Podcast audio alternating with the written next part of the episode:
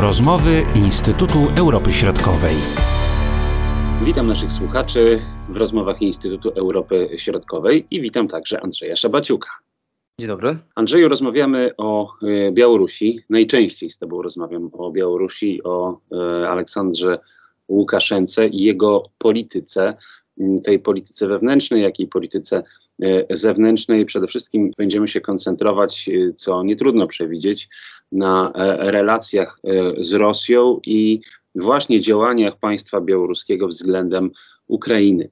Obserwujemy y, od y, miesięcy y, sytuację, w której to z terytorium Białorusi atakowane są cele na terytorium Ukrainy. Białoruś oczywiście oficjalnie nie przystępuje do tego konfliktu, ale praktycznie w nim jest. Z drugiej strony, Rosja naciska na Białoruś, żeby jeszcze mocniej zaangażowała się właśnie w te działania zbrojne, bo o wojnie tutaj się przecież nie mówi. No, Aleksander Łukaszenka jakoś lawiruje e, pomiędzy, e, no właśnie, Ukrainą, Rosją, a sobą samym. Jaka na dzisiaj jest jego pozycja względem państwa rosyjskiego? No to jest oczywiście pytanie bardzo trudne, ponieważ e, z jednej strony mamy świadomość, że dalsze zbliżenie z Rosją, ono będzie skutkowało tym, że Białoruś po prostu będzie coraz bardziej zależna od Rosji. Jego, jego możliwość manewrowania między, między Rosją i Zachodem będzie coraz mniejsza. I ta presja rosyjska, którą obserwujemy od, od kilku lat tak naprawdę, ona stale, stale się nasila ale ona przede wszystkim wynika z tego, że Białoruś jest bardzo mocno uzależniona i politycznie, i gospodarczo od e, Federacji Rosyjskiej. Te ostatnie sfałszowane wybory prezydenckie z sierpnia 2020 roku, one de facto pchnęły Białoruś w, stronę Rosji, ponieważ no, większość państw nie uznała tych wyborów i większość państw e, w regionie także e, nie uznaje e, Łukaszenki jako prezydenta, jako legalnego prezydenta. Więc tutaj jest pewien problem, bo Łukaszenka no siłą rzeczy pogłębia współpracę z tymi państwami, które go uznają jako legalnego prezydenta.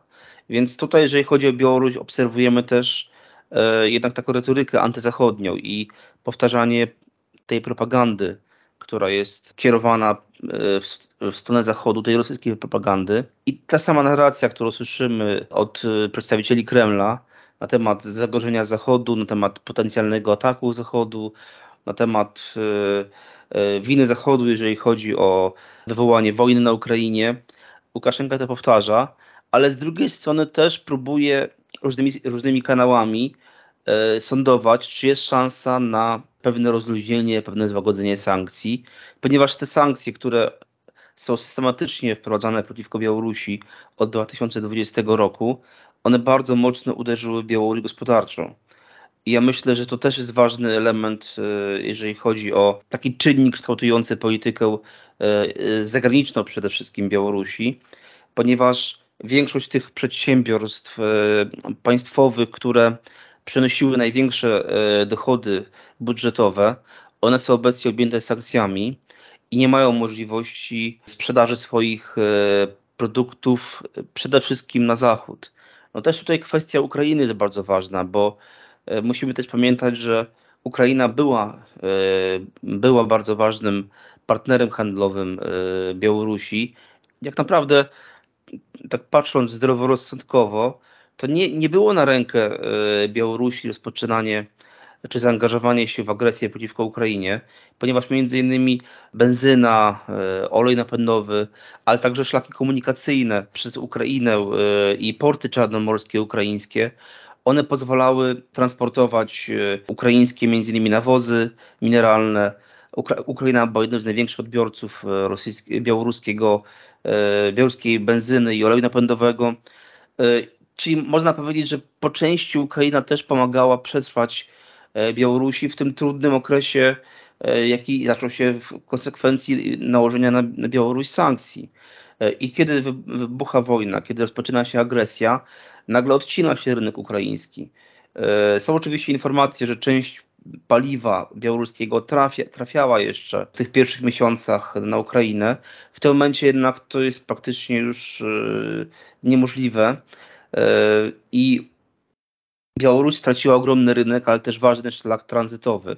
W tym momencie, jeżeli chodzi o nawozy, o paliwo, e, o e, inne produkty na przykład drzewne, one są transportowane tylko i wyłącznie przez porty rosyjskie.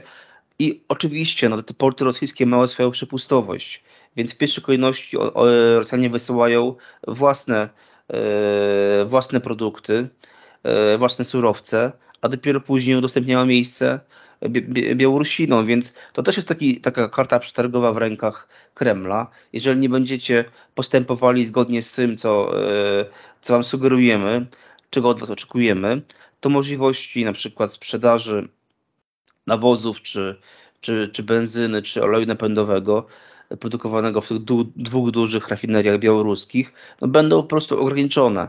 I Łukaszenka y, no, ma tego świadomość. Widzimy, że y, on zachowuje się tak dość y, specyficznie, bo z jednej strony często odwiedza Władimira Putina i powtarza jego, jego propagandowe slogany, ale z drugiej strony też próbuje na przykład oferować Zachodowi możliwość tranzytu przez terytorium Białorusi i porty bałtyckie zboża ukraińskiego.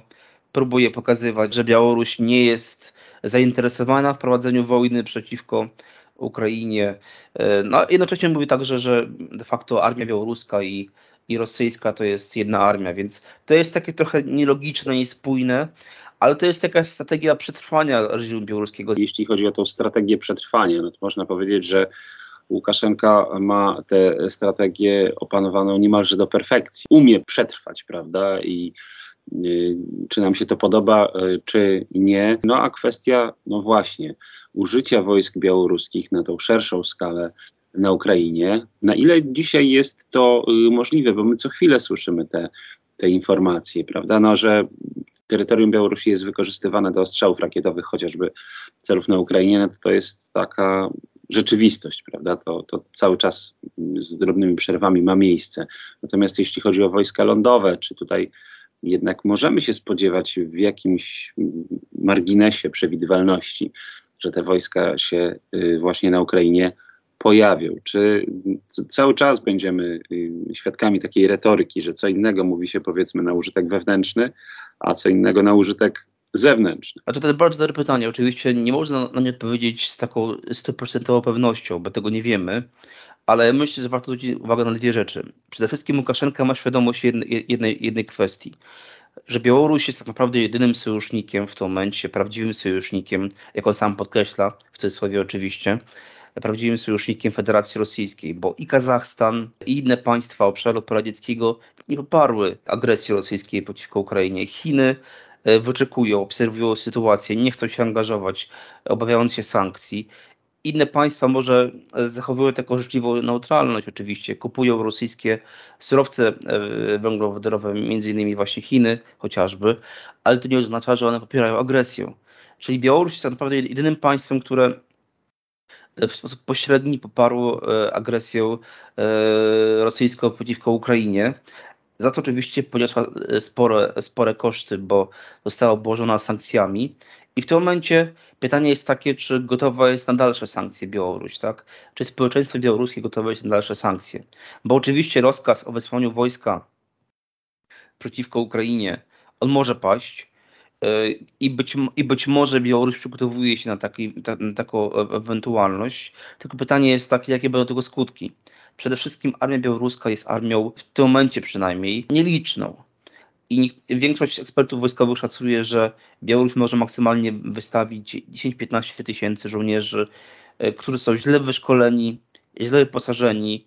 E, prawda jest taka, że oni e, no nie mają doświadczeń, jeżeli chodzi o takie konflikty zbrojne. Ćwiczenia z Rosją oczywiście są dość, dość częste, ale jak pokazała praktyka ostatnich miesięcy agresji Rosji na Ukrainę, no niewiele one pomogły armii rosyjskiej i, i, armia rosyjska jest, ma poważne problemy, jeżeli chodzi o zdobywanie terenu na Ukrainie. Czyli możemy zakładać, że sama armia białoruska by nie wystarczyła. Musiała być wsparta przez Rosję. E, sam ostrzał rakietowy nie wystarczy, czyli musieliby Rosjanie przerzucić armię, musieliby przerzucić wojsko na, na terytorium Białorusi i wspólnie z Białorusinami zaatakować. Pytanie jest takie, skąd to, e, to wojsko przerzucić? Czy z Donbasu, czy szukać jakichś rezerw w głębi Rosji? No tych rezerw nie ma. Widzimy, że coraz więcej osób odmawia udziału w walkach na Ukrainie, bo straty są ogromne, a w szczególności teraz, kiedy ten sprzęt zachodni trafił na Ukrainę i w mniejszym czy większym stopniu jednak e, atakuje, razi pozycje rosyjskie, morale rosyjskie jest bardzo niskie. I powrót jeszcze raz na Białoruś, atak od północy, mając z tyłu głowy, że ten atak pierwszy przyniósł ogromne straty, e, jeśli chodzi o sprzęt i, i, i ludzi, ja myślę, że to jest nierealne. Że tym scenariuszem, który bardziej e, jest taki prawdopodobny, to jest to, że Łukaszenka poprzez retorykę, straszenie, ćwiczenia przy granicy z Ukrainą, będzie chciał wiązać część wojsk ukraińskich na północy, aby te wojska w tym kluczowym momencie, kiedy y, toczą się walki od teraz obwód doniecki, y, żeby one nie, i oczywiście szykowana jest ofensywa w kierunku południowym na Hersoń, aby te wojska nie były tam rzucone, ponieważ Rosjanie mają problemy z, no na tych odcinkach, krótko mówiąc. Obecnie mamy do czynienia, jak twierdzi Władimir Putin, z taką pauzą trochę operacyjną. E, Rosjanie e, rzekomo przygrupowują się i szukują do kolejnego ataku, ale niektórzy eksperci twierdzą, że po prostu ponieśli tak ogromne straty w walkach o Siewierodonieck ogólnie o obwód Ługański, że szukają rezerw, aby wzmocnić się przed atakiem na obwód Doniecki i ewentualnie zatrzymaniem ofensywy na południu. Tak więc no to jest kluczowy moment y, z punktu widzenia Rosji i ja myślę, że ona będzie szukała różnych możliwości, aby y, związać armię ukraińską także od północy, od północnego wschodu, między innymi Czernichów, Sumy. Tam się powtarzają ostrzały terytorium ukraińskiego. E, inne próby e, zniechęcenia Ukraińców do dalszego prowadzenia walk czy mobilizacji i kierowania wojsk na południe i na, i, e, na południe i, i, południowy wschód. Więc Białoruś nie, nie jest tak naprawdę wielkim zagrożeniem z punktu widzenia Ukrainy, ale z drugiej strony sam atak białoruski na Ukrainę może być poważnym wyzwaniem dla samego Łukaszenki. My niewiele wiemy na temat nastrojów w armii białoruskiej, ale z, z tych informacji, które docierały do nas, E, e, możemy, możemy się domyślać, że one są skrajnie anty, antywojenne. I to może się układać w taką logiczną całość, jakby tłumaczyć te strategie Łukaszenki, prawda, że on balansuje między, można powiedzieć, jednymi poglądami a drugimi, jednymi działaniami a drugimi działaniami, bo y, pewnie zdaje sobie sprawę z tego właśnie, jakie są nastroje w białoruskiej armii. Tak widzieliśmy nawet na początku wojny y, apele byłych żołnierzy, no, obecnych może mniej, no, nieoficjalnie tylko do nas te informacje docierają, ale byłych dowódców, którzy wypowiadali się przeciwko y, właśnie zaangażowaniu Białorusi na Ukrainie, także Łukaszenka pewnie zdaje sobie z tego sprawę.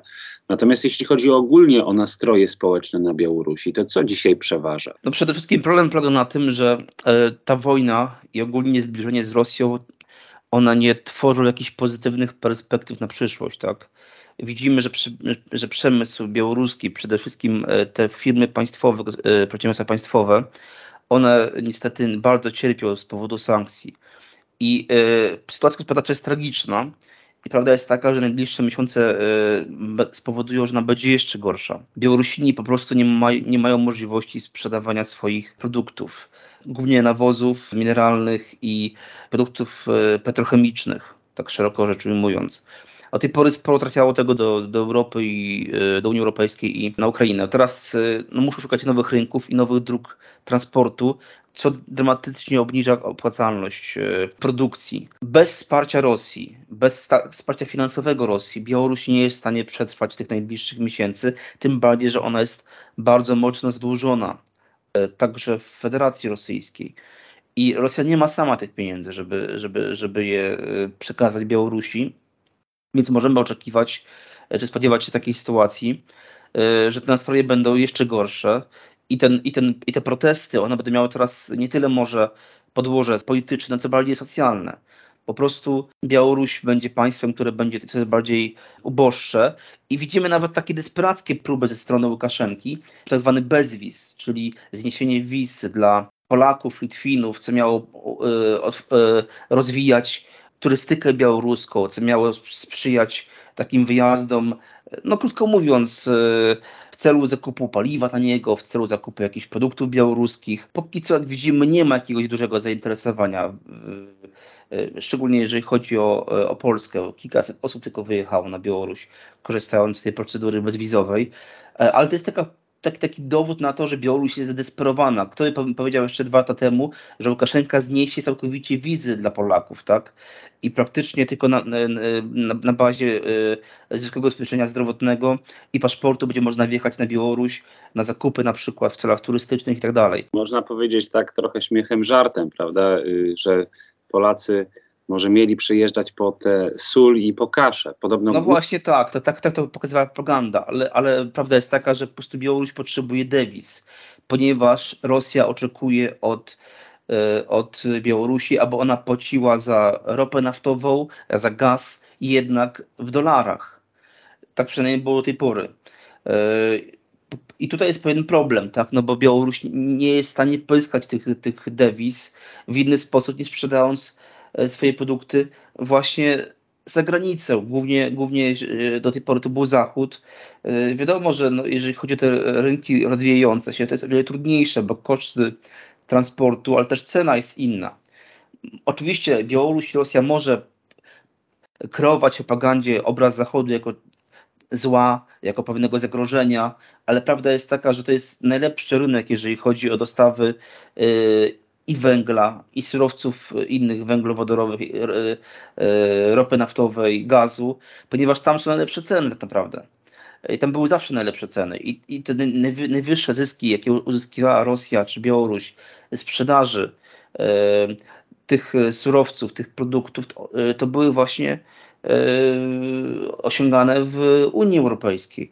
Więc Białoruś desperacko szuka możliwości wyjścia z tej trudnej sytuacji gospodarczej, ale tych możliwości po prostu nie ma w tym momencie. Sankcje po, powoli będą wchodziły w życie, bo one często były e, od, odroczone na parę miesięcy. Na przykład przecież wiemy, że e, te sankcje dotyczące ropy naftowej czy węgla, one wejdą dopiero opóźnieniem, tak? Tu mówimy oczywiście o sankcjach antyrosyjskich.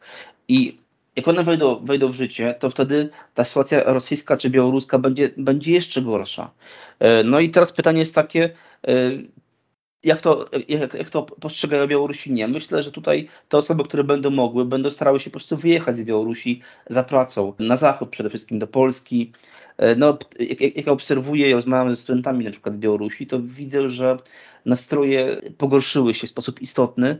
Też wynika z tego, że oni po prostu nie widzą szansy czy nadziei na, na lepszą przyszłość u siebie, u siebie w kraju. I tu stawiamy kropkę, Andrzeju. Bardzo dziękuję za tę rozmowę. Dziękuję, kłaniam się nisko.